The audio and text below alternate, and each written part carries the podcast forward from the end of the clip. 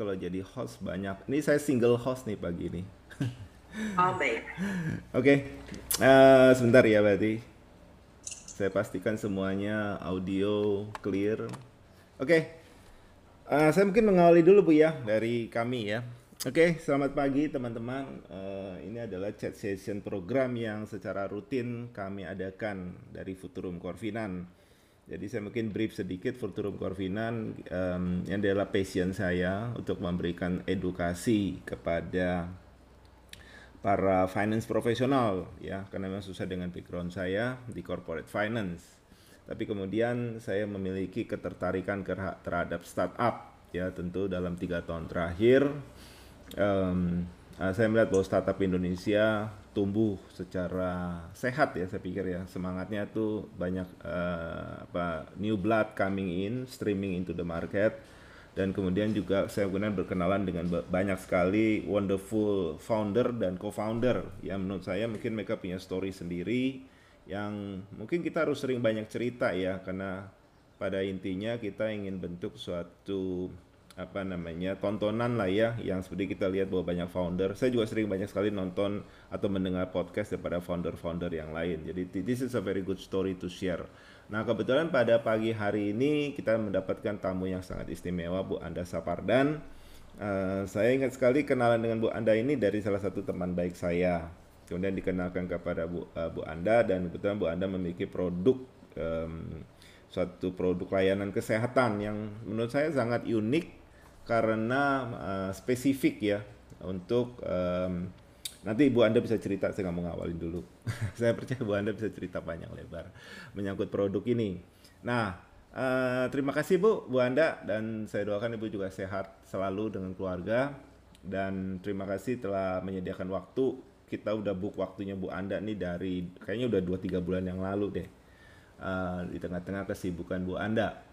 Oke, okay, Mungkin nanti boleh cerita sedikit Bu Anda tentang backgroundnya Bu Anda biar para viewer kami bisa nanti di ini live streaming di YouTube ya Bu ya. Jadi nanti menjadi digital asset kami di YouTube sehingga bisa ditonton oleh uh, seluruh orang yang tertarik kepada dunia health tech.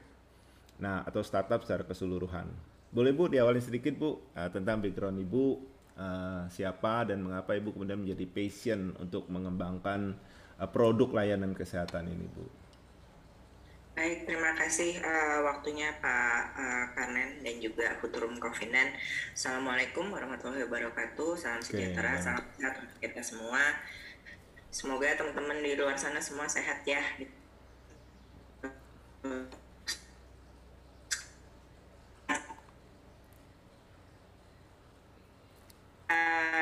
perkenalkan saya Anda saat itu. Jadi sebelum memulai saat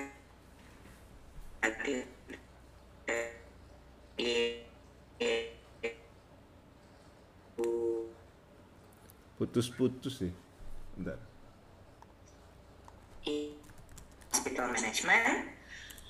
Uh, posisi saya sudah cukup tinggi waktu itu, tapi memang ada sebuah passion tersendiri dan akhirnya apa pun kalau kita berusaha kita kita harus totalitas ya, nggak bisa kita setengah-setengah. Uh, nyambi-nyambi itu udah nggak mungkin, pasti hasilnya juga setengah-setengah jadi memang uh, saya memutuskan untuk uh, untuk memulai uh, Sehati TTG. Uh, Sehati TTG sendiri seperti tadi kata Pak Karnen itu memang diawali dari passion. Awalnya gimana kita bisa di untuk khusus untuk perempuan dan anak ya. Jadi kami memang bisa bilang kami itu femtech sebetulnya. Dan memang ada beberapa alasan kenapa kami memilih untuk uh, untuk spesifik gitu di uh, uh, bidangnya spesifik gitu di kesehatan ibu dan anak.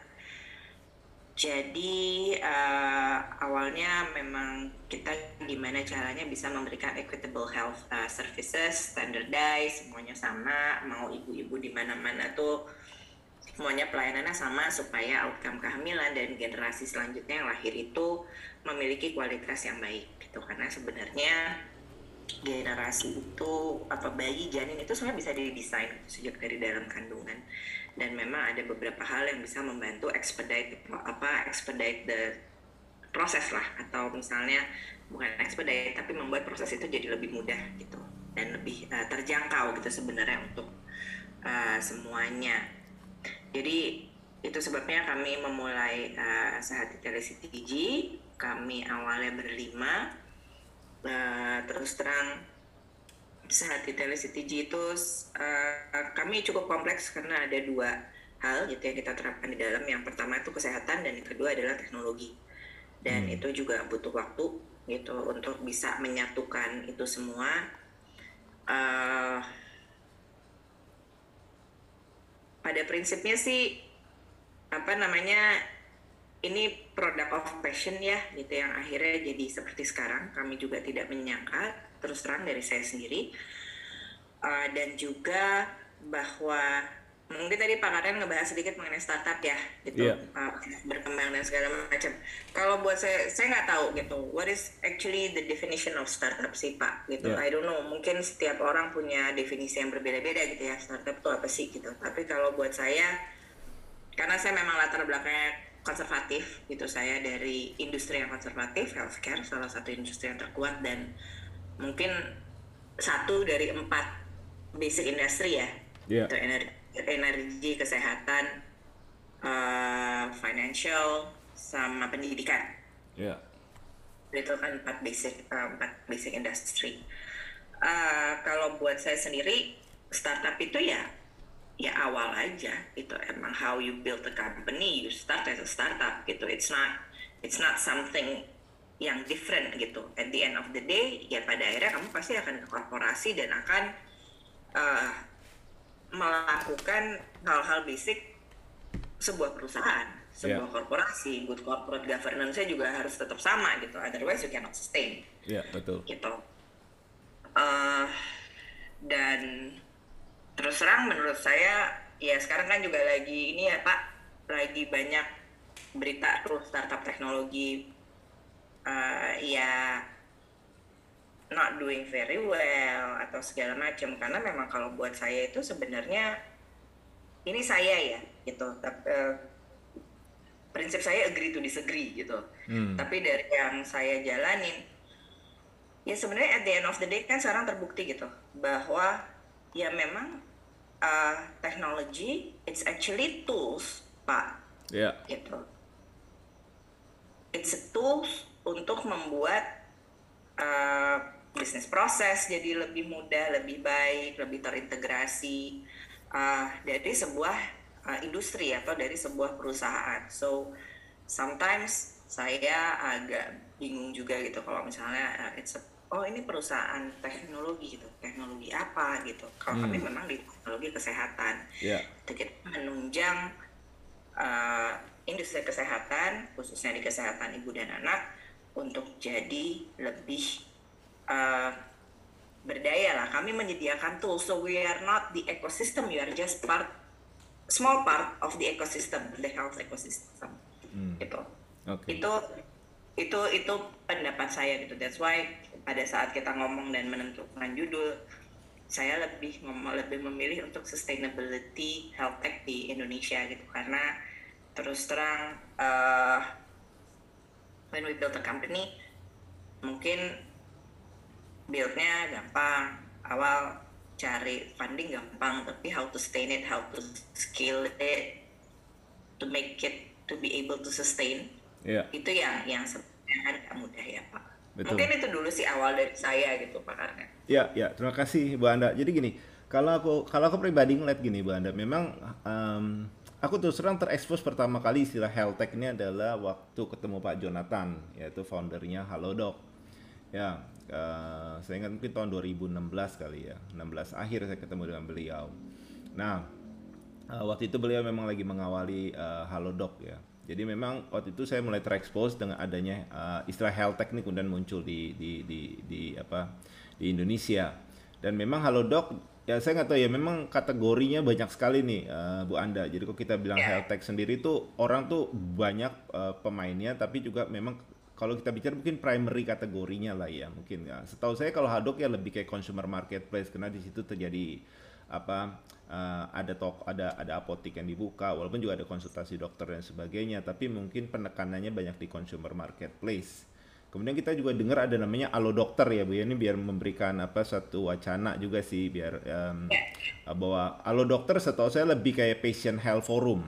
Ya, dia memang di situ patient health forum di situ memang aku lihat tuh kayaknya lebih penekanannya kategori di sana. Kemudian kita dengar juga ada klinik pintar, kemudian juga ada juga Sirka ya, saya nggak tahu apakah itu juga seperti wellness apps sebetulnya. Dia wellness Iya, apps. Nah, iya. Jadi kemudian ada juga kita dengar juga banyak yang bergerak di health insurance. Ya, jadi eh, mungkin ada kayak life life pal ya. Kemudian mungkin juga tidak banyak yang tahu juga artinya mungkin tapi dia sudah sudah sudah sudah sudah bergerak ada yang eh, ke dalam ekosistem ini. Kemudian juga ada namanya triage ya. Triage itu biasanya buat eh, diagnostik atau asse- assessment awal tuh Bu ya untuk misalnya apakah tindakan selanjutnya dan sebagainya. Nah, itu juga ada startup di sana. Kemudian juga ada uh, teleconsultation ya kita tahu juga beberapa startup main di khusus di teleconsult dengan dokter ataupun juga yang kayak on demand lab test itu Bu ya. Juga dia mencoba untuk uh, hack uh, ke industri itu uh, on demand. Nah, kalau boleh tahu Bu TeleCTG ini um, di di- primary kategorinya apa Bu ya? Gini, memang aku lihat kan dari websitenya itu eh, ini unik ya terus terang karena aku lihat oh ya ini bagus juga ya karena memang dia sebenarnya spesifik kepada ibu hamil eh, bumil ya. Kemudian untuk pemeriksaan kesehatan janin dan perkembangan janin lah mungkin tepatnya. Tapi eh, mungkin bagi mereka bagi kita yang kurang terekspos Bu ya artinya menyangkut masalah janin dan sebagainya kenapa eh, Tadi ibu udah cerita sedikit sih bahwa ibu lihat sebenarnya perkembangan janin itu sangat bisa bisa di bisa dimonitor dengan baik lah dan melalui tools ini. Nah, kenapa nih menjadi satu target market di ibu? Eh, karena menurut saya ini agak unik ya. Saya sulit sekali untuk memasukkan ke ke kategori mana sebetulnya ini telecTG. Apakah ini teleconsultation? Kayaknya nggak juga. Ah, jadi ini ini menarik sih itu serangnya ada needs yang sangat sangat baik sekali dan tentu kita tahu juga angka kelahiran di Indonesia kan cukup tinggi ya Bu ya. Em, eh, jadi memang aku lihat marketnya ada, jelas ada karena Indonesia apa ibu muda itu banyak sekali di Indonesia. Dan kita tahu juga bi- eh, bidan sendiri di Indonesia itu banyak sekali Bu. Jadi saya bidan, bidan. Bidan. Jadi kita, saya, saya ingat angkanya sekitar di ikatan bidan Indonesia itu ya IBI yaitu aku lupa deh angkanya mungkin 500 ribuan ya karena dulu saya pernah dapat pernah terekspos juga oh uh, bidan. Jadi menurut saya ini marketnya ada ya bahwa nah mengapa ibu bi- merasa ada passion ya kemudian ingin masuk dan menggarap di sini terlepas istilah health tech atau tidak lah ya artinya. Ya, eh, mungkin ini sih Pak Karen, kalau health tech-nya tadi saat di telecTG masuk di mana, ya memang kami cukup berbeda gitu, karena Iya. kami bukan hanya apps gitu, tapi kita memang juga hardware, it's an IO, IOMT based uh, Oke. hardware gitu, jadi Internet of Medical Things lah yang kita Yeah. produksi. So, our company has the ability to build not only software, tapi juga hardware gitu, Oke. dan hardware kita telecTG itu itu murni Indonesia teknologinya punya kita gitu. Oh, we have the cipta Uh, terus abis itu diproduksinya di sini hak ciptanya milik kami punya Indonesia lah ya. Gitu. Iya. jadi bukan cuma uh, teknologi Cina apa teknologi Amerika yang diproduksi di Indonesia terus dijual gitu. Itu enggak gitu. Oke. jadi itu sebenarnya menandakan bahwa buat kami itu harusnya jadi sebuah momentum kebangkitan gitu ya untuk Indonesia gitu. Bahwa oh orang Indonesia tuh keren-keren kok. Inovasinya tuh uh, keren. Dan kami uh, kami sudah membuktikan bahwa it's not only di ranah uh, research Yeah. gitu tapi kita sudah bisa sampai ke ranah market gitu. Oke. dan bahwa uh, produk yang dijual itu sudah bisa masuk ke ranah market. Dan prosesnya itu lama ya Pak untuk kami gitu. Dari 2016 kita melakukan research tiga prototype kita ikut clinical trial segala macam sampai akhirnya kita dapat izin edar dari Kementerian Kesehatan Kita izin edar itu sebenarnya it's a license to market lah ya. Ya. Uh, dan itu gampang ya Pak gitu karena kita harus menyiapkan banyak hal gitu. Jadi kayak apa aftermarket surveillance segala macam itu kita sudah memenuhi persyaratan semua dari uh, Kementerian Kesehatan gitu. Itu di November 2018 itu kita dapat jadi around two years itu kan. Pada saat itu belum ada gitu kayak izin edar darurat pada saat COVID gitu di mana uh, diberi kemudahan lah atau dibeli diberi uh, Dispensasi. dispensasi lah gitu. Kita nggak kita ngikutin semuanya gitu. Oke. setelah itu kita pikir udah bisa market eh ternyata belum juga gitu. Apalagi karena kami memang menyasar pertama kali di government market gitu. Hmm. yang itu juga menjadi pertanyaan orang gitu. Kenapa sih kok masuknya ke government market? Is very difficult gitu. Iya memang yeah. sangat sulit gitu. Dan kami akhirnya menyadari oke okay, kita cukup naif gitu awalnya. Cuman memang kan passionnya kita kita mau membuat apa ya kita ingin memberikan sumbangsi gitu sebenarnya. Be part of be a small part gitu of the uh, effort gitu sebenarnya untuk memberikan impact gitu kepada masyarakat. Dan memang kan kalau kesehatan itu it's highly regulated by the government. So hmm. if you if you wanna make an impact gitu ya try to be part of the effort untuk membantu government. That's what uh, we do gitu okay. actually jadi kita sekarang udah masuk ke e-katalog LKPP kita masuk di Februari 2021 okay. itu juga waktu tiga tahun buat kita masuk gitu karena ada beberapa hal lah gitu. tapi internalnya mereka ya bukan dari kami Oke. Okay. Oh jadi ini produk sebenarnya kalau gitu Bu, Ibu sebenarnya menawarkan suatu end to end lah ya karena terus terang kan ada orang yang hanya fokus di produknya. Artinya untuk masalah um, apa namanya going to the marketnya, artinya masuk kepada end consumernya itu ada yang kagak ngurusin juga. Artinya ya saya hanya di platform level. Kemudian masalah aplikasinya ke lapangan itu adalah mungkin ada ada ada ada yang mengerjakan juga. Tapi dalam konteks misalnya Tili City ini aku tangkap adalah ibu punya tools tapi tools ini juga ingin ibu bawa langsung ke end consumer. Berarti end consumer ini adalah bidan ya Bu ya? Apa ini end consumer adalah bisa juga? Iya, end consumer sebenarnya tenaga kesehatan atau fasilitas kesehatan gitu. Karena kan memang okay. sebenarnya kalau telemedicine itu saya nggak tahu gitu apa undang-undang telemedicine daruratnya masih berlaku apa nggak. Tapi yang undang-undang telemedicine sendiri itu kan sebenarnya uh, harus antara vaskes dengan vaskes gitu tenaga kesehatan dengan tenaga kesehatan yes. gitu jadi bukan dari tenaga kesehatan atau vaskes langsung ke end consumer gitu dan okay. itu uh, we try very hard to be com to comply ya Oke. Okay. Gitu ya Pak ya, gitu. Yeah. Uh, karena saya memang 13 tahun di industri kesehatan sebelumnya dan saya memulai karir saya dari risk management. Hmm, gitu. okay. Memang itu itu sangat saya kami perhatikan bukan saya ya karena di saat TeleCTG itu tim ya, gitu kita nggak mungkin kerja sendiri lah. Jadi tantangannya bu waktu uh, karena ini kan terus langsung berhadapan dengan Faskes ya pelayanan kesehatan dan sebagainya tantangannya apa bu ya untuk convince bahwa anda tuh punya good product and then your your apps is ready karena kalau menurut saya ini kan semua data yang ketangkap itu kan akan akan disimpan di platform bu ya artinya pihak pihak user bisa melihat langsung. Atau ini sebetulnya hanya di uh, bidannya saja yang tahu gitu bu. Gimana tuh bu? Atau uh, apa tenaga kesehatannya? Iya karena kita kita tadi memang uh, B2G ya yeah. gitu. Jadi memang kita uh, kerjasamanya dengan puskesmas, dinas okay. kepala dinas kesehatan, habis itu dengan kementerian dan segala macam. Jadi ini memang ke arah sana gitu. Ya challenge-nya banyak lah Pak gitu ya. Uh, seperti kita tahu gitu apa namanya mostly uh, di regulasi gitu dan apa namanya saya rasa itu juga yang banyak dihadapin gitu ya sama teman-teman health tech di Indonesia gitu yeah. uh, saat ini itu saya nggak akan saya nggak mau gitu untuk elaborate di forum ini mengenai hal itu yes. gitu apa namanya uh, uh, apa namanya tapi uh, gimana ya challenge-nya itu tadi sih pak ada di satu karena kita kita bisa dibilang kan kita internet of medical things so yeah. we need internet gitu yeah. jadi infrastruktur tuh udah pasti jadi satu hal oke okay. Kedua ada adalah digital adoption itu sendiri gitu. Itu kan nggak mudah ya pak orang beralih dari uh, apa sesuatu yang sifatnya konvensional terus harus semuanya digital gitu. Dan kadang-kadang uh, sebuah produk itu tidak dirancang cukup baik yang membuat pada saat kita memaksa orang untuk beralih ke digital pekerjaan mereka jadi lebih mudah itu kan hmm. harusnya seperti itu ya pak harusnya kalau kita introduce a technology yeah. itu harusnya mempermudah orang untuk bekerja gitu si user itu mendapat kemudahan tapi dan again uh, ada begitu banyak stakeholders di kesehatan dan itu yang belum memungkinkan untuk seperti itulah Pak gitu.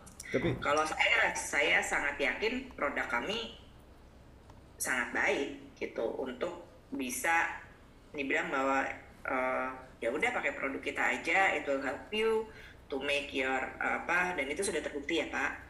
Gitu apa namanya untuk membuat pekerjaan kalian lebih mudah gitu. Dan kita juga sudah menerbitkan beberapa jurnal medis gitu yang bahwa memang uh, solusi kita itu berhasil membantu menurunkan membantu ya pak. Membantu hmm. menurunkan angka kematian ibu di Kabupaten Kupang tuh 71 persen, angka kematian bayi 25,8 persen, meningkatkan deteksi dini faktor resiko, meningkatkan rujukan dini terencana, seperti itu. Jadi kita pun sudah menerbitkan jurnal, gitu. dan jurnal yang terakhir uh, ada di tingkat Asia Pasifik.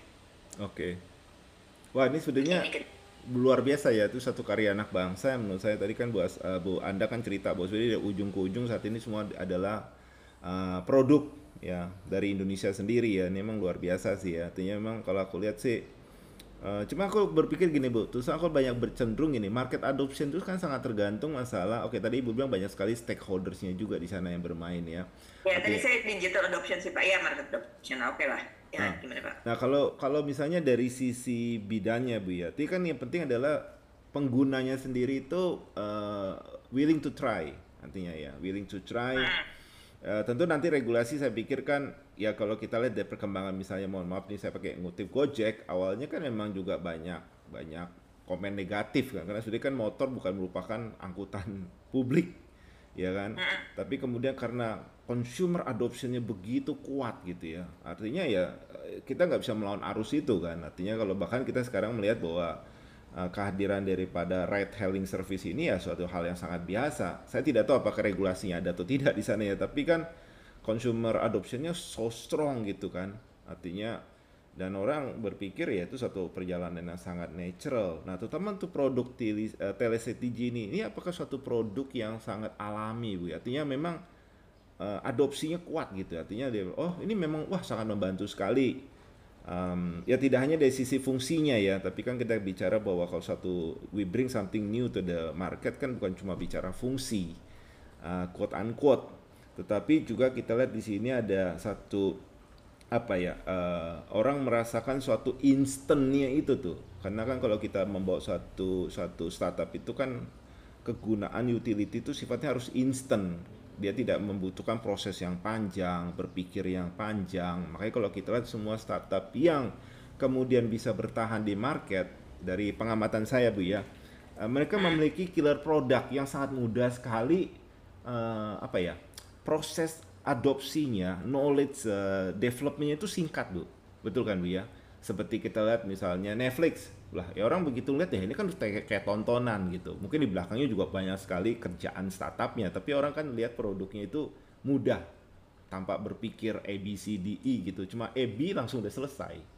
Nah kalau nah kalau dalam konteksnya TLCTG ini bu apakah bagi consumer atau bagi bidan atau uh, tenaga kesehatan ya ini apakah memiliki panjang gitu bu jerninya sehingga mereka perlu ibu educate lebih lama gitu. Nah itu gimana bu? Karena itu saya uh, mungkin kalau dari produknya sendiri sih enggak ya, karena hmm. uh, bidan itu kan sebenarnya sudah belajar memakai CTG itu sejak mereka di bangku kuliah. Gitu. Okay. Dan CTG sebenarnya kan tele CTG itu uh, produk turunan dari CTG, gitu kardiotopografi okay. atau deteksi kesejahteraan janin dan CTG itu CTG itu sudah ada sejak awal tahun 19 eh awal 1900 awal abad ke-19 dan itu memang sudah membantu untuk uh, mendeteksi kesejahteraan janin, apa hmm. namanya ada kekurangan oksigen atau enggak, nutrisi di kandungan itu baik atau enggak gitu dan itu sebenarnya memang secara jurnal internasional itu uh, dari Vigo ya Federation International of Gynecology and Obstetrician itu memang membantu menurunkan angka kematian bayi hmm. gitu. Okay. Dan kita kita bisa membantu menurunkan angka kematian ibu karena itu digabung dalam sebuah platform gitu. Jadi memang bukan hanya telectg nya sendiri, tapi kita ada aplikasi untuk bidan, kita ada dashboard, ya, ada single analytics di sana di mana apa faktor risiko semua bisa terlihat, data ibu terlihat, data bidan terlihat. Dan kita juga punya platform telekonsultasi yang bisa menghubungkan bidan di mana pun dengan dokter uh, ginekolog gitu hmm. yang ada di kota besar gitu untuk melakukan interpretasi CTG hasil CTG-nya, hasil TRCTG dan juga data-data pendukung lainnya. Jadi penegakan penegakan diagnosanya jadi lebih baik. Tadi Pak Karen ngomong mengenai market adoption. Hmm. Nah, market adoption mungkin menurut saya itu sangat berbeda di setiap industri ya Pak. Iya. Yeah. Gitu. Uh, industri kesehatan tuh salah satu yang paling lama, paling terakhir gitu. Selalu kalau ada perubahan tuh mereka yang paling terakhir untuk adopt. Iya. yeah apa itu it's it's a it's a it's a general knowledge lah pak gitu kalau lihat di mana-mana itu itu seperti itu hmm. Uh, industri kesehatan sendiri juga it's a long shot it's a long term industry oke okay. gitu. itu nggak cepat gitu pak yeah. gitu okay. apa uh, pasti butuh apa research butuh clinical trial to make sure bahwa itu aman hmm. seperti ya pak nah untuk market adoption sendiri sebenarnya ada empat hal Oke. Okay. Satu produknya itu sendiri. Ya. Yeah. Yang kedua adalah SDM-nya. Ya. Yeah. Yang ketiga adalah infrastructure. Oke. Okay. Yang keempat adalah sistemnya. Jadi maksudnya di sistem yang terbangun di mana alat ini bekerja gitu atau market adoption ini harus berada gitu. Misalnya gitu let's say bahwa uh, oh TRCTG dia di sistemnya itu adalah sistem kesehatan. Oke. Okay. Dan sistem kesehatan itu saya ngomong dari sisi penyerapan anggaran aja dulu kali ya. 90% itu masih di uh, harusnya sih 70% tahun lalu. Yeah. Tapi katanya akan naik jadi 90% itu memang uh, apa penyerapan anggaran tuh di pemerintah. Apa pun pada saat kita mau mulai usaha kan pasti kita mikirnya bisnis dong. Yeah. Gitu gimana? Bisnis dan kalau di kami di saat di TLCTG bukan bisnis ansih untuk uh, keuntungan kami, tapi lebih ke bahwa how to make this sustain, gimana membuat produk ini bisa terus di-upgrade, bisa memberikan pelayanan yang lebih baik, dan yang paling utama adalah keberlangsungannya, tadi sustainability-nya. Kenapa? Okay. Karena sebenarnya ini kayak sekarang yang terjadi gitu ya, dua tahun, dua tahun, dua tahun, aplikasi diperkenalkan, okay. nggak dibikin dengan baik dan segala macam, itu kan datanya hilang semua, Pak. Oke. Okay. Data yang dikumpulkan itu hilang, dan itu sayang. Karena itu sebenarnya bisa jadi bank data untuk Indonesia sendiri gitu, to know oh misalnya dalam 15 tahun lagi atau 10 tahun lagi kira-kira anak mana sih yang keren banget nih untuk dibina jadi atlet apa gitu karena melihat dari perkembangan si anak itu sendiri sejak dari dalam kandungan karena 40% apa yang dibentuk sekarang kayak kemampuan paru-paru kita dan segala macam itu kan ditentukan pada saat kita di dalam kandungan Iya. Gitu. Jadi memang ada pembelahan sel, ada pertumbuhan sel gitu pada saat kita dalam kandungan. Tapi I'm not going to go that way gitu karena saya bukan dokter. Nanti saya salah lagi. uh, apa namanya? Uh, tapi market adoptionnya itu seperti itu. Dan terus terang uh, di saat kita ada CTG sendiri, karena kita mainnya di government, iya, although nggak main di government pun pak, it's very highly regulated. Oke. Okay. Dan untuk hal itu komitmen uh, regulator itu nomor satu pak gitu untuk penerapannya ya gitu nah uh, mungkin nanti Pak Karnen atau teman-teman uh, Futurum Corvinan segala macam bisa cari tahu sendiri lah seperti apa sih ya, gitu. tahu saya nah, itu uh, I'm not going to give a, a pernyataan apa pun mengenai ya. hal itu di, di forum ini ya. tapi itu tidak mudah gitu apa namanya di, industri kesehatan untuk bisa dapat fully commitment uh, dari regulator gitu karena ada begitu banyak kepentingan lah ya Pak bisa dibilang walaupun uh, saya sangat mendukung uh, Pak Jokowi ya dalam hal ya. ini luar biasa beliau itu Pak untuk memajukan industri uh, alat kesehatan dalam negeri di mana kami bernaung kan sebenarnya kami di alat kesehatan itu pada akhirnya ya. beliau mengeluarkan Perpres 2 uh, tahun 2022 mengenai uh, apa namanya yang mendukung industri dalam negeri lah melalui TKDN dan TRCTG itu salah satu elektromedis yang sudah bisa TKDN-nya di atas 40 persen.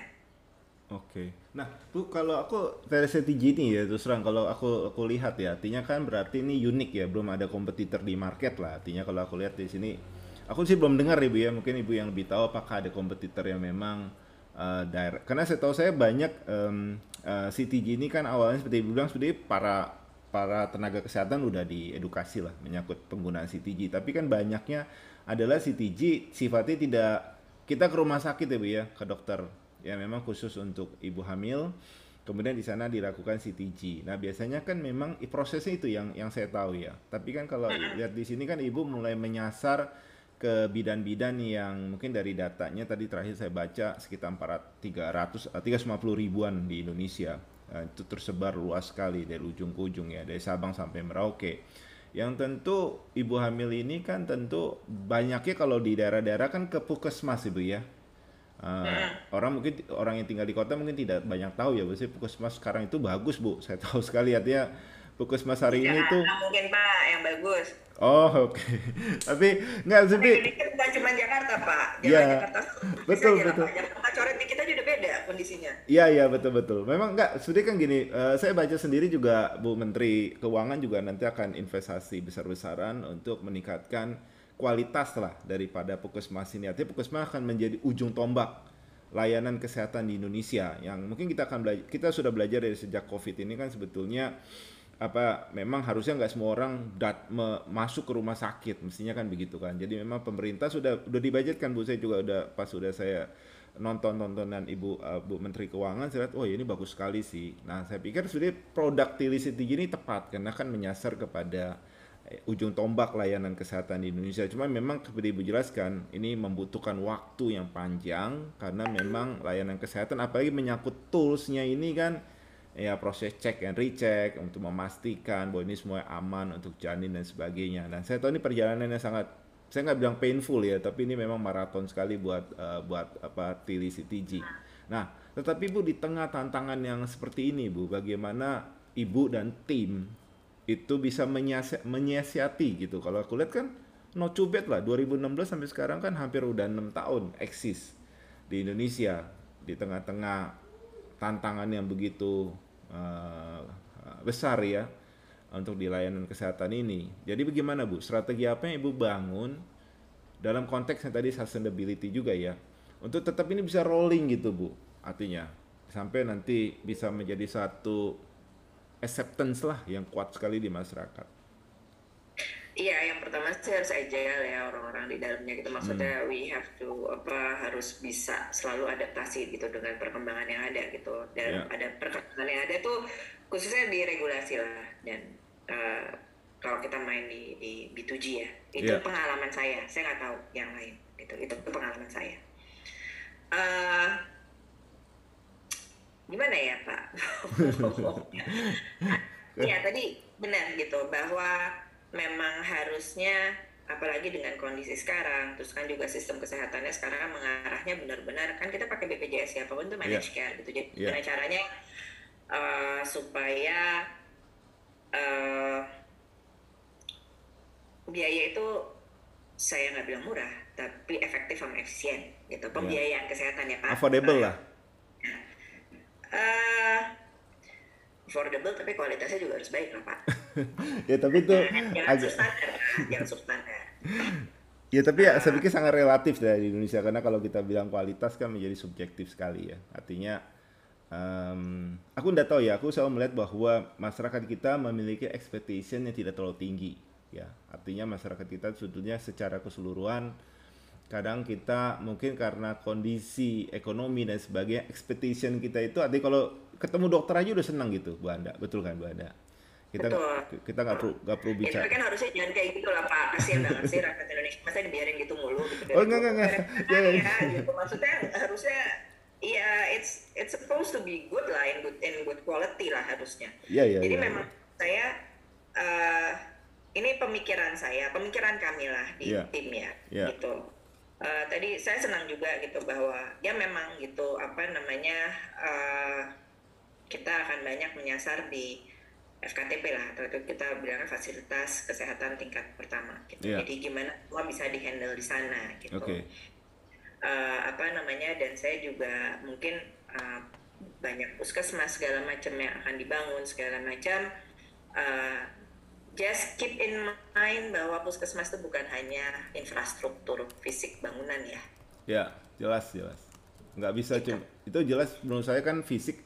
Mungkin ke depan juga malah akan lebih portable dia. Ya ini ya ini definisinya harus sama dulu nih gitu. Maksudnya banyak puskesmas puskesmas yang apa gitu bangunannya gitu ditambah tapi ya ya banyak lah gitu ya mungkin kita harus bicara dalam semua dalam satu page yang sama gitu ya Pak ya gitu. Yeah. What is the the meaning of quality itself itu apa Ya, ya. gitu. Ya, Nah, saya setuju. eh, apa namanya juga bahwa saya sangat senang gitu kalau puskesmas tuh ada banyak dan segala macam tapi mungkin eh, apa ya sifatnya jangan hanya kuratif pak gitu. tapi bahwa eh, apa atau pengobatan gitu. Tapi fungsi puskesmas awal di mana itu adalah fungsi preventif dan promotifnya itu jadi yang utama. Itu yang mungkin juga jadi satu hal yang harus dikembalikan lagi ke sana gitu. Karena kan memang dengan yang seperti saat ini terjadi ya terus terang aja ya pak gitu. Secara ekonomi ya saya nggak tahu gitu. Tapi menurut saya belum bangkit bangkit banget gitu. Secara real. Ya pak. Ya, gitu deh ya saya pikir sih kalau kita ambil komparatif dengan negara lain kita jauh lebih baik lah dalam angka pertumbuhan maksud saya. Tapi memang Iya, pertumbuhan kan is on paper lah Pak. Yes, yes, Gitu. yes, yes. Tapi saya ngomongnya real nih Pak, gitu kemampuan perusahaan dan segala macam gitu Hmm. dan dan apa namanya dan memang pada saat kita ngomong kemampuan real itu kan pasti berkorelasi dengan eh, kemampuan orang untuk membayar eh, pelayanan kesehatan kan Pak. Ya, saya setuju Bu, saya setuju. Tapi gini Bu, kalau ini kan Ibu banyak menyorot soal regulator ya. Saya pikir eh, pada ujung-ujungnya kan saya bilang em, kayak bidan, kemudian juga tenaga, apa tenaga kesehatan ini ya, kemudian juga konsumennya sendiri gitu ya. Sebetulnya mereka willing to try nggak sih? Berarti gini, ya oke ada regulator yang kadang kita tahu juga ada regulator tapi belum otomatis orang akan orang akan pakai Bu. Betul kan Bu ya? Regulator satu hal. Tapi eh, menurut menurut saya satu startup ini kan harus harus angle-nya itu multiple angle lah ya karena kan pasti dia harus memastikan konsumennya nyaman tapi juga ada tetap dalam koridor hukum yang ada gitu kan Bu ya. Karena em, kalau eh, koridor hukum yang ada itu udah jelas lah artinya itu memang nggak kita nggak kita kita tidak bisa eh, tidak bisa karena itu juga menjadi entry barrier atau exit barrier juga sih buat ibu juga kan karena kalau Ya, nanti sudah oke. Nah tapi kalau misalnya konsum kita maaf Pak saya potong. Ya. Jadi kalau misalnya kita ngomong bermanfaat atau nggak bermanfaat, juga kan sudah membuktikan itu bermanfaat Pak. Itu kan bisa menurunkan angka kematian ibu, angka kematian bayi, deteksi dini terencana lebih awal dan segala macam. Dan itu juga membantu bidan dalam pada saat mereka membuat keputusan. Kan hmm, bidan itu ada segitu dari seluruh penjuru. oke Tapi kan apa bidan itu biasanya menangani ibu hamil dengan kondisi yang sehat.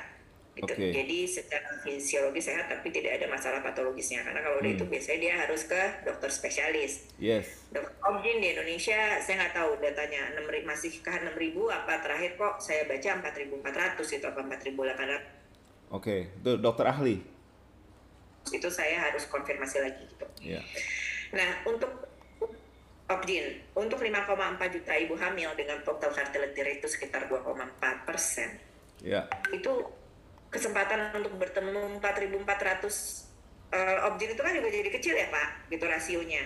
ya Gitu. Jadi kalau misalnya memang ada sebuah teknologi yang bisa memudahkan dokter itu memonitor dari jauh kondisi kondisi seorang pasien itu ya pasti bermanfaat lah Pak. Dan itu sudah terbukti gitu. Pada saat kami juga melakukan piloting untuk melakukan home care ke pasien-pasien swasta gitu. Jadi kita kita juga sudah mulai masuk ke pasar swasta juga. Eh, tapi gini sih Pak. Kalau tadi Pak karena bilang oke kita sebagai startup harus harus eh, apa namanya agile lah gitu. Kita saya ngomongnya regulasi gitu. Apa sementara kan kita harus menyiapkan produk yang baik benar pak gitu. Tapi mungkin teman-teman di industri kesehatan yang lainnya juga bisa tahu gitu gimana industri ini cukup berbeda gitu dengan Hmm. industri yang lainnya gitu. Dan mungkin kalau di keuangan ya udah enak udah ada OJK gitu ada industrinya sendiri. Ya. Nah, di kesehatan belum seperti itu. Mungkin kita kalau bisa disandingkan industri kita itu setaranya dengan industri aviasi. Hmm yang sangat highly regulated, Pak. Jadi Bapak tadi ngomong, Ibu ke regulasi banget banget sih gitu. hmm Iya iya Pak, gitu orang ya sekarang let's say uh, kita mainnya di pasar pemerintah. hmm Untuk seorang sebuah puskesmas mengadakan melakukan pengadaan barang ya itu ada aturannya sendiri Pak. Hmm. gitu dan apa namanya dan itu jadi ada entry barrier lah saya nggak akan cerita di sini seperti apa gitu ya Iya. tapi tapi uh, itu sebenarnya yang saya ingin berbagi gitu sama teman-teman di uh, di forum ini bahwa apa namanya pada saat kita ingin berpikir gitu untuk terjun ke health technology yeah. ada banyak hal yang harus dipikirkan gitu to, to ensure that it is sustainable yang pertama kalau kamu terjunnya ke B2C ya mungkin nggak masalah gitu ya yeah. tapi tapi ya yang jelas kamu juga harus punya dana yang kuat gitu kayak tadi Pak Karmen kan bilang market adoption untuk ride hailing gitu itu sangat kuat gitu ya tapi how much money do they burn Pak? Ya sampai sekarang masih burn juga. iya iya iya itu kan itu kan Pak gitu jadi maksud saya tuh ya mau pilih yang mana gitu terserah gitu mau pilih yang mana gitu apa namanya mau pilih yang you have to have long runway banget gitu sampai kapan pun yang nggak tahu akan gimana atau pada akhirnya you want to turn your company into a corporation gitu a healthy financial healthy corporation gitu yang punya EBITDA positif dan segala macam. Kan gitu pak. It's it's your choice gitu. Itu yang yang harus dipikirkan dari uh, saran saya gitu ya masukan dari saya untuk teman-teman yang mau masuk ke health technology. Itu dipikirin benar. Terus yang kedua like it or not mau kita di apa uh, tadi masuk ke consumer itu itu tadi saingannya luar biasa pak gitu ya. Dananya harus kuat lah. Kita mau masuk ke B2B atau ke B2G ya tadi kita harus punya nafas yang panjang juga kita harus tahu network cukup uh, besar gitu-gitu segala macam untuk memastikan bahwa kita bisa dimasukkan atau dicantelkan ke sebuah health system karena health tech itu akan berfungsi dengan baik pada saat dia masuk ke health system. Itu ada saya lupa dari dari mana ya waktu itu uh, reference-nya. Oh uh, dari ini. Dari uh, six building blocks-nya WHO gitu. Jadi hmm. gimana untuk bisa memberikan sebuah pelayanan kesehatan yang baik ya memang it has to be connected to a health system. Gitu. tapi to be connected to a health system you have to have a very good connection or network. Karena hmm kadang-kadang produk yang bagus aja itu tidak menjamin pak oh iya saya percaya itu sebetulnya just good product ya just one thing lah maksud saya itu cuma satu hal gitu yeah. kan Iya, iya. Jadi seperti yang tadi saya bilang ada empat gitu Pak. Jadi produk, SDM-nya, infrastrukturnya mendukung atau enggak. Habis itu juga tadi uh, sistemnya gitu. Di mana apa sistemnya tuh mendukung apa enggak, regulasinya tuh berpihak kepada kita atau tidak. Pada saat regulasi itu berpihak kepada kita pun kadang implementasinya juga belum tentu berpihak kepada kita kan seperti itu ya Pak. Itu mungkin saran saya ke teman-teman di Futurum ini yang ingin menjajaki masuk ke health tech gitu. Jadi benar-benar uh, dipikirkan lah gitu hal-hal tersebut seperti itu. Jadi banyak sekali angle-nya gitu yang apa stakeholder gitu yang harus uh, dibina gitu pada saat kita mau masuk ke health tech dan uh, memastikan kita bisa sustain seperti itu sih pak. Kalau tampaknya kalau begini health tech mungkin yang um, ya sebenarnya gini indah dibicarakan gitu ya. Saya tahu bahwa saat ini banyak sekali industri startup yang indah dibicarakan, tapi pada waktu kita in the game, in the arena itu that's a very different story betul ya bu ya.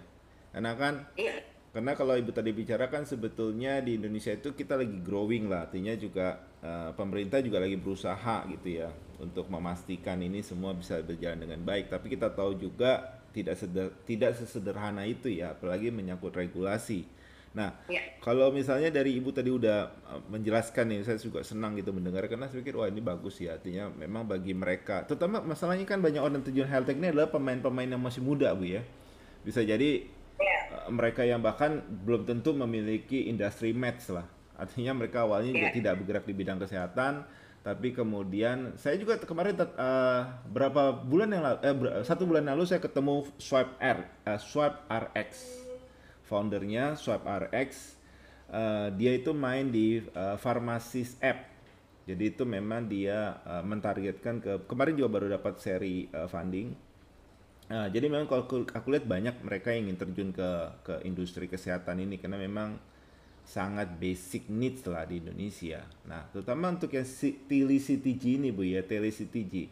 Sebetulnya kan real needs-nya ada Bu ya. Maksud saya kan kalau tadi saya apa sih lah ada 5,4 juta ibu hamil. Iya kan real needs-nya kan ada di sana. Artinya uh, dan alternatif produk mereka saat ini kan banyak menggunakan mungkin yang tradisional konvensional ya Bu ya. Belum kalau kalau aku baca selintas, wah telectg ini kan portable. Artinya bahkan ke, bidan itu bisa mengunjungi pasien kan? Artinya tidak yeah. harus di puskesmas. Artinya dia bisa bawa ke daerah-daerah yang tidak terjangkau sepanjang memiliki koneksi internet kan? Berarti gitu bu ya. Kemudian tapi saya pikir di Indonesia sekarang koneksi internet udah sangat inilah uh, maju sekali. Uh, jadi kekhawatiran itu tidak. Bahkan sekarang uh, yang lagi digalakkan ini kan FTTH mungkin ibu udah dengar juga fiber to the home sekarang ini hampir aksesnya itu nanti um, akan masuk ke rumah-rumah. Jadi memang uh, ya dapat dikatakan seluruh rumah tuh bisa jadi nanti sudah memiliki jaringan internet lah. Sehingga kalau kita lihat alat ini kan sebetulnya uh, sangat apa ya, convenient lah, convenient use, betul bi ya.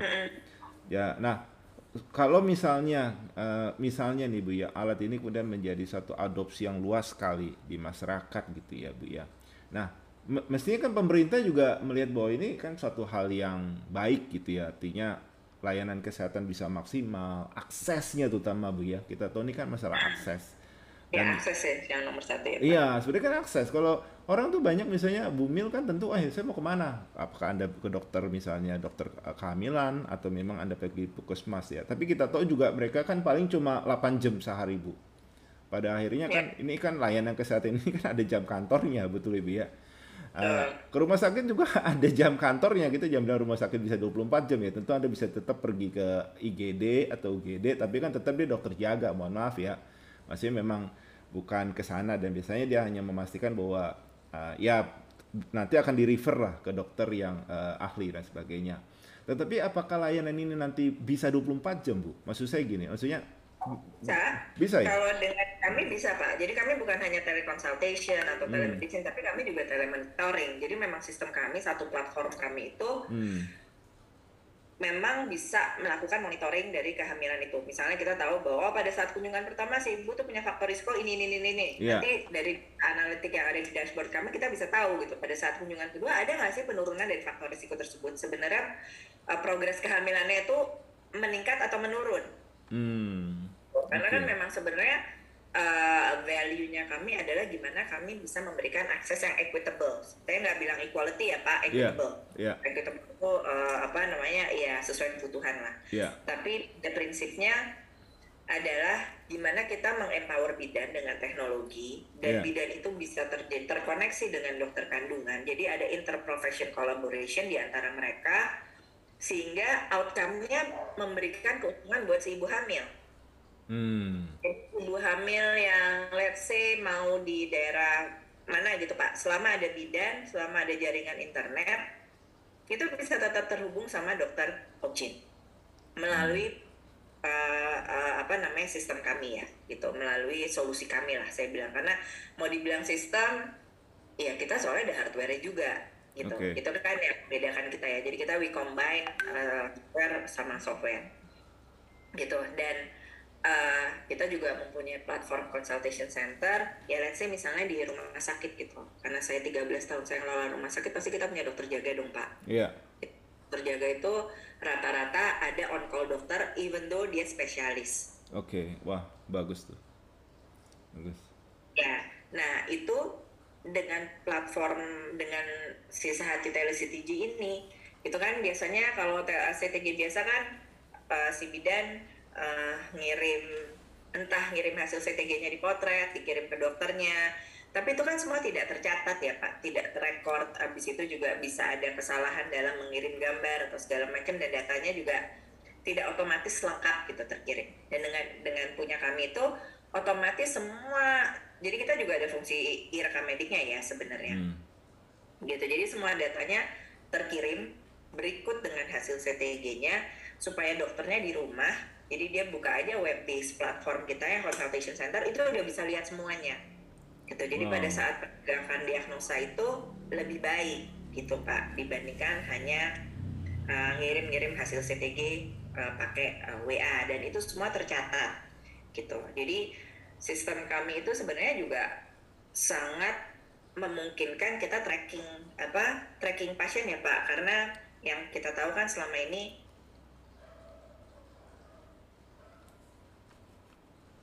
Halo. Nah, itu kan hilang tuh Pak datanya. Jadi nanti data kunjungan pertama di puskesmas A, data kunjungan kedua di puskesmas B. Nah, kalau di Sahati dari CTG itu semuanya akan ikut gitu Pak. Ya, ya. ini Jadi, bagus sih, bagus sekali Bu. Karena terus dari dulu saya selalu mendengar masalah challenge ini. Artinya pasien itu sebetulnya kan kalau pindah-pindah rumah sakit ya atau pindah. Tapi memang kalau satu rumah sakit sih biasanya mereka sekarang udah ada re- rekam pasien ya. Saya nggak tahu sejauh mana data yang mereka miliki. Tapi umumnya kalau kita kembali ke dokter yang sama, kita kembali ke rumah sakit yang sama, sebetulnya dokter tinggal buka, oh ya kamu sebelumnya pernah dikasih obat ini dan ini. Nah, tetapi Iya. kan dalam konteks telisiti sehati ini kelihatannya kan sebetulnya barang apa catatan record medisnya itu sebetulnya udah di satu tempat kan, decentralized lah.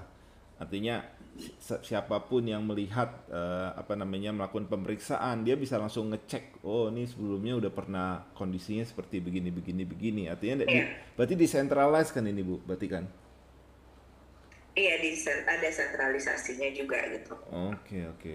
Nah, Bu berarti Bu berarti kalau selama enam tahun ini, nah kalau menurut ke depan view-nya Ibu ya supaya bisnis daripada CTG dan Sahati ini, saya tadi kepikir kalau memang begitu berat tantangannya, kenapa Ibu nggak gandeng institusi besar? Artinya kita nggak dalam quote unquote seperti corporate startup lah. Kita tahu misalnya Ibu bisa menggandeng satu institusi besar yang memang memiliki bargaining power yang lebih kuat untuk membawa market penetration ini artinya dalam konteks adalah On the way, apa sorry on the way, on the way. oh on the way ya Saya- Iya, Iya, iya. Tapi saya nggak ngomong. iya ya tapi maksud saya karena kan kalau aku lihat dunia kesehatan itu pada akhirnya kan membutuhkan pengawalan ya banyak lah artinya pemain-pemain besar ini tentu memiliki financial resources yang lebih besar kemudian juga networking yang lebih eh, saya nggak bilang ibu tidak experience ya artinya mereka tentu kan sudah terbiasa mengurus inilah dan Ya betul Pak, saya kan cuma remahan rengginang ya kalau di sini gitu dan saya juga nggak mau, saya nggak mau masuk ke sana gitu Iya. sebenarnya sejak awal. Gitu. Iya. Jadi kan memang lebih ke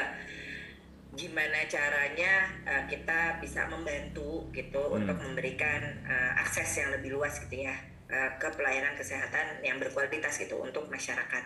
Gitu dengan siapa kita bermitra segala macam kami sangat terbuka gitu. Karena kami juga tahu dan memang sejak awal kami apa kami hanya di Femtech segala macam supaya kami bisa masuk ke ekosistem yang lebih besar gitu. Karena kita juga tahu kemampuan kita we are not kita nggak punya capability untuk membangun ekosistem besar tersebut hmm, gitu kan oke gitu ya. saya, Jadi, saya, saya jadi pikir arahnya ke sana gitu. Ya, tadi ya. kata Pak Karmen, kenapa kita nggak nyoba yang tadi gitu? Bilang, ya we are on our way gitu Hmm. ke arah sana ya Pak gitu. Karena terus terang eh, apa namanya buat kami sendiri eh, para foundersnya ya, ya gitu. Awalnya memang ya kita sangat bersyukur ya sebenarnya di saat itu setinggi gitu ya karena kita punya satu value punya satu rasa yang sama bahwa yang ingin kita kasih itu kebermanfaatan. Terjadi eh, untuk untuk kemaslahatan orang lah gitu. Dan ini kita bicaranya kan udah udah bangsa ya pak gitu. Generasi yang selanjutnya itu akan seperti apa gitu. Nah memang kalau di kami kami lebih uh, we are very open untuk kolaborasi, untuk akuisisi, untuk merger atau untuk apa pun selama itu bisa memberikan kebermanfaatan yang lebih luas. Ya, karena kalau menurut saya kesehatan itu, sorry Iya. aku potong bu, maksudnya memang kalau aku pikir du- dunia kesehatan dalam pemahaman saya itu masalah ekosistem sih. Aku tidak melihat, aku tidak melihat cara lain saat ini bu ya, karena kan Ya, em, betul Pak. Itu betul Pak. Supply chain-nya kesehatan itu kan luas sekali Pak. Gitu. Betul, Kita betul. mau dari apa? Ada payer, ada ada supply chain logistik, ada segala macam gitu pelayanannya itu sendiri. Ada luas lah Pak gitu dan kan nggak mungkin gitu kita bekerja sendirian dan we are only like a small part gitu yang bisa membantu memberikan data yang lebih baik gitu Yeah. pada akhirnya supaya stakeholders yang lain itu bisa lebih melakukan prom intervention lah atau prom planning atau apa pun itu gitu based on that data.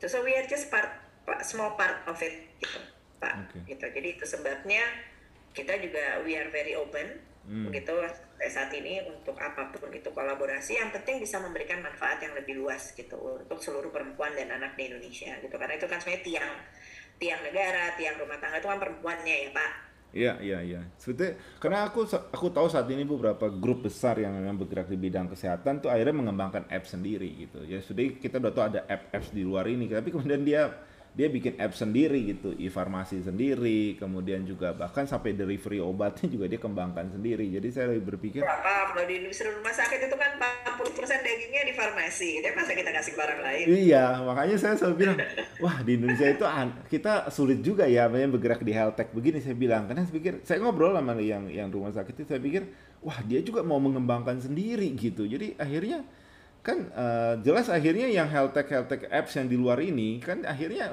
mau nggak mau kan akan sulit ya bu ya ke depan pengembangannya. Karena masing-masing grup besar ini mengembangkan sendiri appsnya juga gitu.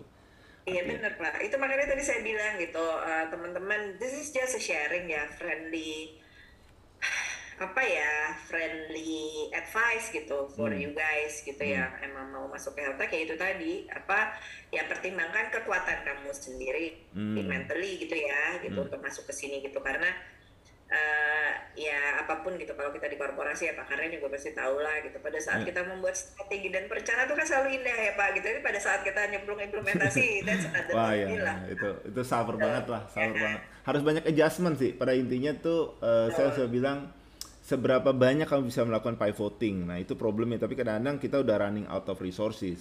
Jadi Ya, karena waktu merubah nah. bisnis model juga butuh waktu juga untuk eksekusinya lagi kan. Nah, nah, itu yang paling susah. Iya, iya betul betul. Saat ini apalagi dengan dengan dengan kondisi winter is coming dan segala macam itu. Jadi uh, just friendly advice gitu. Ya ya terserah lah mau dianggap sebagai apa gitu. Saya hanya berbagi pengalaman. This is based on my own experience gitu ya. Saya tidak mewakili yang lain. Ya ya. Tapi menarik uh, menarik. Bagus sekali ini. Ini bagus sekali sih. Terus terang saya pikir saya sendiri juga di remind akan hal ini. Jadi ya oh iya sebetulnya ini kalau dari real story-nya Bu Anda um, ya yeah, this is this is a long journey definitely. Kalau lu nggak punya passion mungkin lu nggak bisa survive Betul ya Bu? Ya? Iya, yang satu ya passion tapi passion passion is passion, passion is one thing gitu ya Pak. Yeah. Tapi don't be stupid lah gitu. Ukur hmm. juga secara mental, psikologis kamu, tim kamu sesama co-founder itu juga sekuat itu nggak sih gitu. Yeah, Karena. Uh, apa namanya sebenarnya kan kalau startup itu it's a game di mana kamu nggak tahu endingnya apa kan. Oh iya iya iya itu justru yang menarik kan di sananya. ya jadi ya ya just prepare yourself make sure you have the apa the capacity ya apa your personal capacity gitu build in capacity untuk menghadapi ketidak ketidakjelasan itu sendiri. Terus yang ketiga adalah ya otomatis financial resources lah pak gitu. Sekuat apa sih kamu gitu. Kalau kamu mau masuk ke uh, eh, B2C sekuat apa sih kamu branding money-nya? Gitu, oh iya, iya. apalagi jadi kalau ke depan nih Bu ya. Apalagi kan sekarang juga. Uh, sorry. Uh, Iya sorry putus-putus. Nah kalau ke depan bu, uh, menurut bu anda nih ya view ke depan, bagaimana bagaimana nanti ibu membawa TeleCTG dan Sahati ini bu? Maksudnya viewnya ibu dalam long term bersama-sama dengan semua co-founder ini, uh, saya pikir ada tujuan yang sangat mulia ya. Uh, masalah accessibility, tadi apa namanya equitable, uh, bahwa menyediakan satu layanan kesehatan yang equitable. Tapi uh, ya hal-hal ini kan nggak bisa berhenti di visi dan misi ya maksud saya. Karena dengan segala eh, blockingnya ya. ini ini dalam view ibu lima tahun ke depan gimana bu? Untuk yang telectg ini. Ya kita anggap aja kita mempromosikan telectg supaya orang juga tahu dan sebetulnya kita memiliki visi lima tahun ke depan mau dibawa ke mana gitu bu Ya sebenarnya sih kalau saat kalau telectg sendiri ya, karena saat itu embed ke telectg juga yeah. gitu. Dengan kami punya TKDN sudah 41,05 persen gitu, saya di LKPP pun untuk CTG yang bisa dibilang kami sudah sudah punya keistimewaan lah yang diberikan oleh uh, eh, LKPP itu ada yeah. di saya lupa ya, kayaknya Undang-Undang Nomor 12 Tahun 2021 gitu mengenai okay. hal tersebut gitu, mengenai pengadaan barang. Itu sebenarnya sudah ke sana. Okay terus tadi kan seperti Pak Kanan bilang kenapa sih ibu nggak mikir untuk apa uh, masuk ke grup yang lebih besar dan segala macam? Ya itu ada gitu. Itu itu sudah sudah kami rencanakan juga gitu ya Pak gitu. Karena yeah. kan seperti yang tadi saya bilang gitu sebenarnya setiap founder punya tujuan masing-masing. Hmm. gitu. Uh, saya nggak tahu itu itu berbeda setiap startup. Tapi kalau memang kami di saat di TLCD itu kami lebih memikirkan mengenai kebermanfaatannya gitu Pak. Jadi pada saat apa namanya kami merasa bahwa oh dengan diakuisisi perusahaan ini atau merger ataupun gimana itu akan lebih bermanfaat kami akan akan go that way. Hmm. gitu pak. Itu dan itu juga salah satu strategi kami. Uh, seperti itu sih pak. Gitu. Jadi uh, apa namanya dan memang sejak awal kan seperti saya bilang gitu. Kenapa kita mainnya sangat spesifik gitu. Karena memang kita dengan yang spesifik we are very we are good at it gitu. Dan dan apa namanya memang kita nggak kita nggak berpikir untuk membangun ekosistem sendiri tuh enggak gitu jadi hmm. memang kita pada akhirnya akan nyangkal ke ekosistem yang lain ya, seperti ya. itu sih pak dan dan apa ya satu hal gitu ya sebenarnya uh, sehati Telecity itu harusnya ini ini di kami ya Pak gitu. Karena ini kan ya teknologinya Indonesia gitu. Ini sebenarnya bisa harus bisa jadi health diplomacy gitu dari pemerintah gitu ke dunia luar bahwa eh Indonesia tuh punya sistem loh punya sebuah alat loh punya sebuah platform yang secara jurnal medis sudah terbukti bisa membantu menurunkan aki AKB stunting gitu. Stunting hmm. stunting intrauterine ya. Yeah. kita ngomongnya melalui uh, predictive sama preventive measures dan apa namanya dan itu bisa membantu untuk tercapainya universal health coverage karena tadi kita buka akses lebih banyak SDG 2030 kita SDG-nya bisa di poin 2, 3, 5 dan 10 gitu kita masuknya.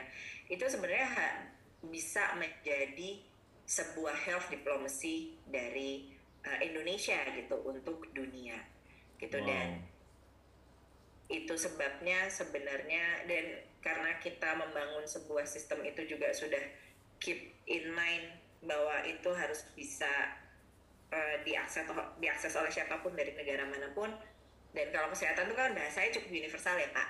Yeah. itu dan itu kan kita juga uh, sudah kita juga sudah punya yang versi bahasa Spanyol gitu karena waktu itu kita akan masuk ke Amerika Latin sama Huawei.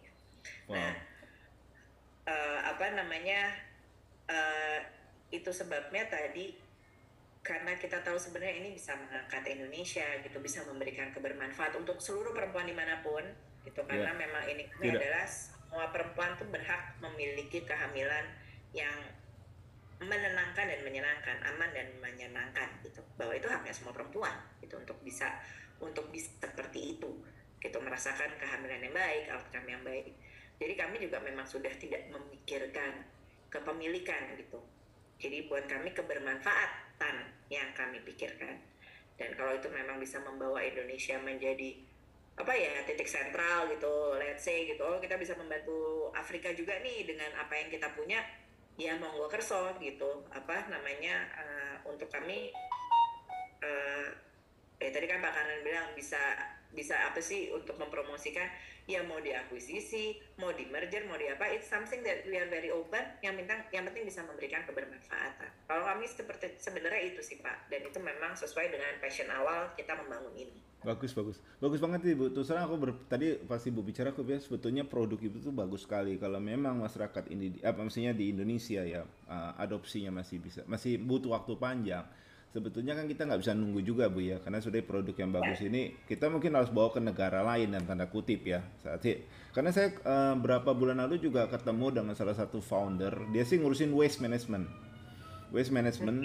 Jadi di sini dia juga mengalami kesulitan tuh untuk jual produk dia. Jadi dia kayak ada saat ada satu produk saya nggak cerita itu produknya tapi uh, kegunanya ada di waste management.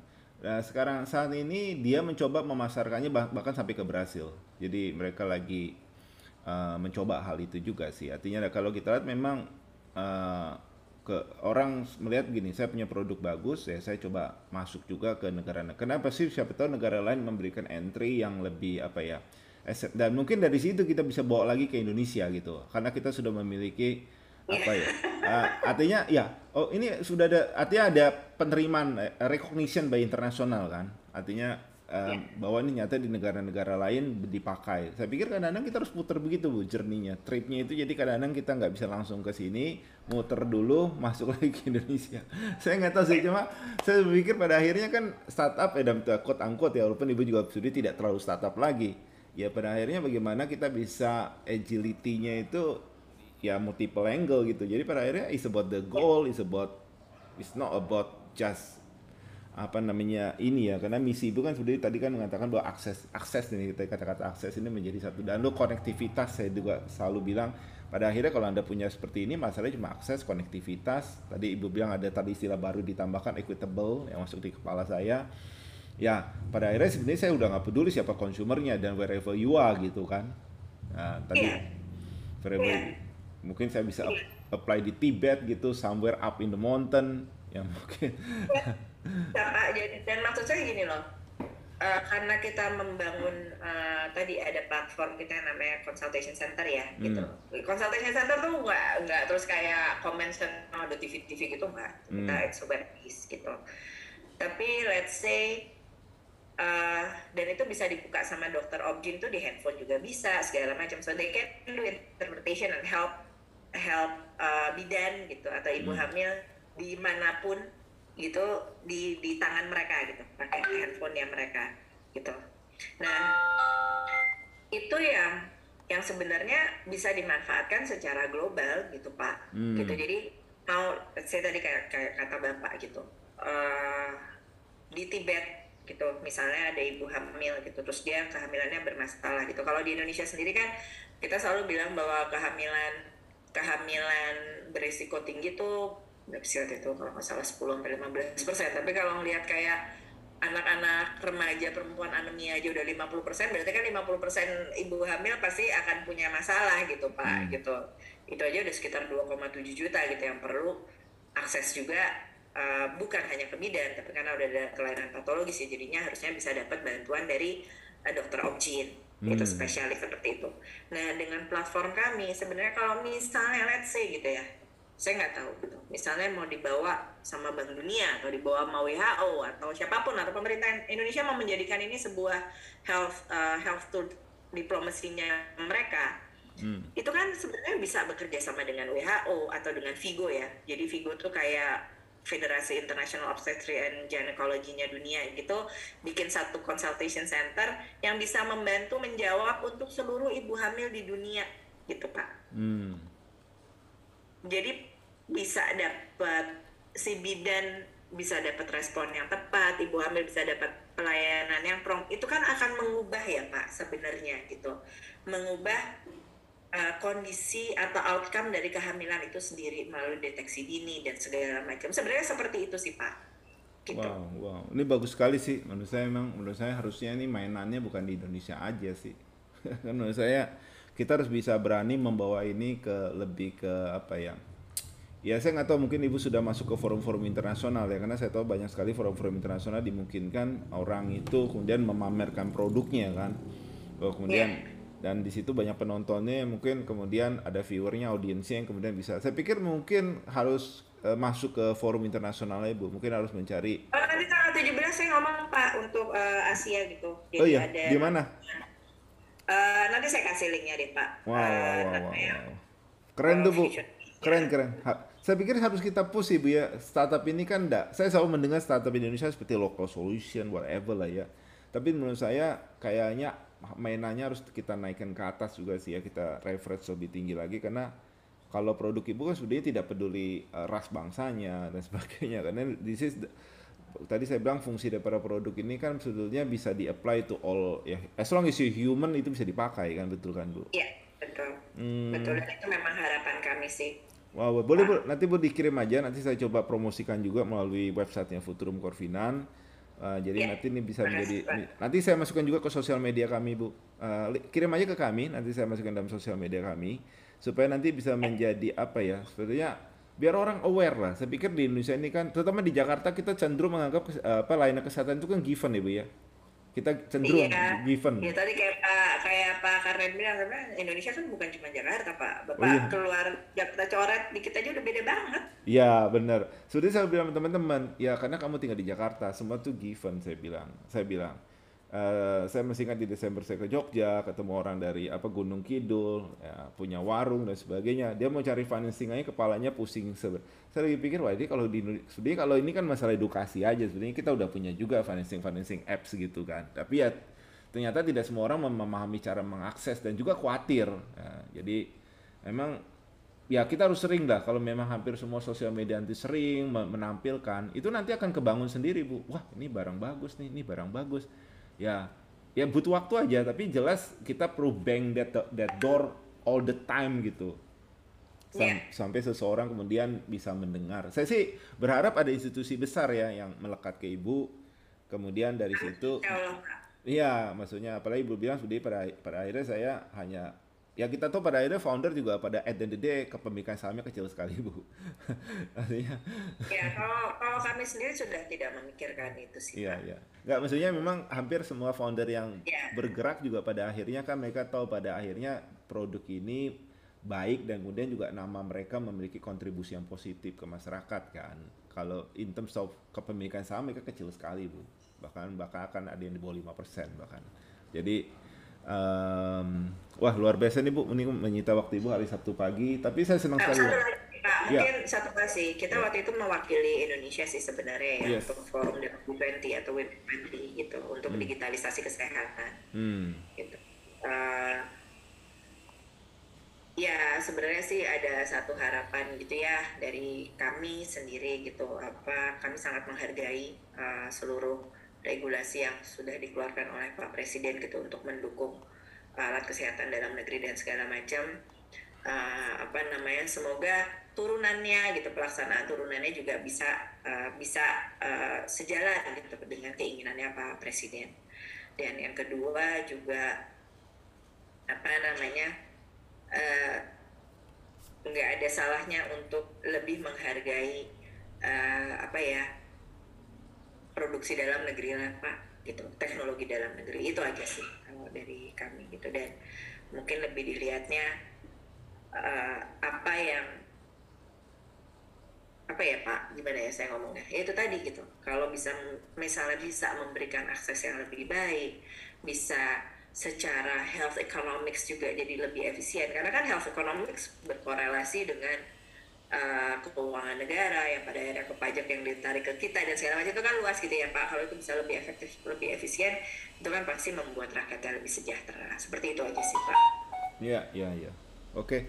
Terima kasih banyak nih Bu. Nanti uh, kita akan masukkan diskusi pagi ini ke sosial media kami supaya siapa pun orang bisa menonton ya, tidak hanya di, pada saat live live, stream, live streaming ini, tetapi juga tapi nanti kirim aja Bu kalau ada memang topik-topik yang menarik dari uh, TeleCTG kami dari Futurum Confident akan coba mendukung sekali.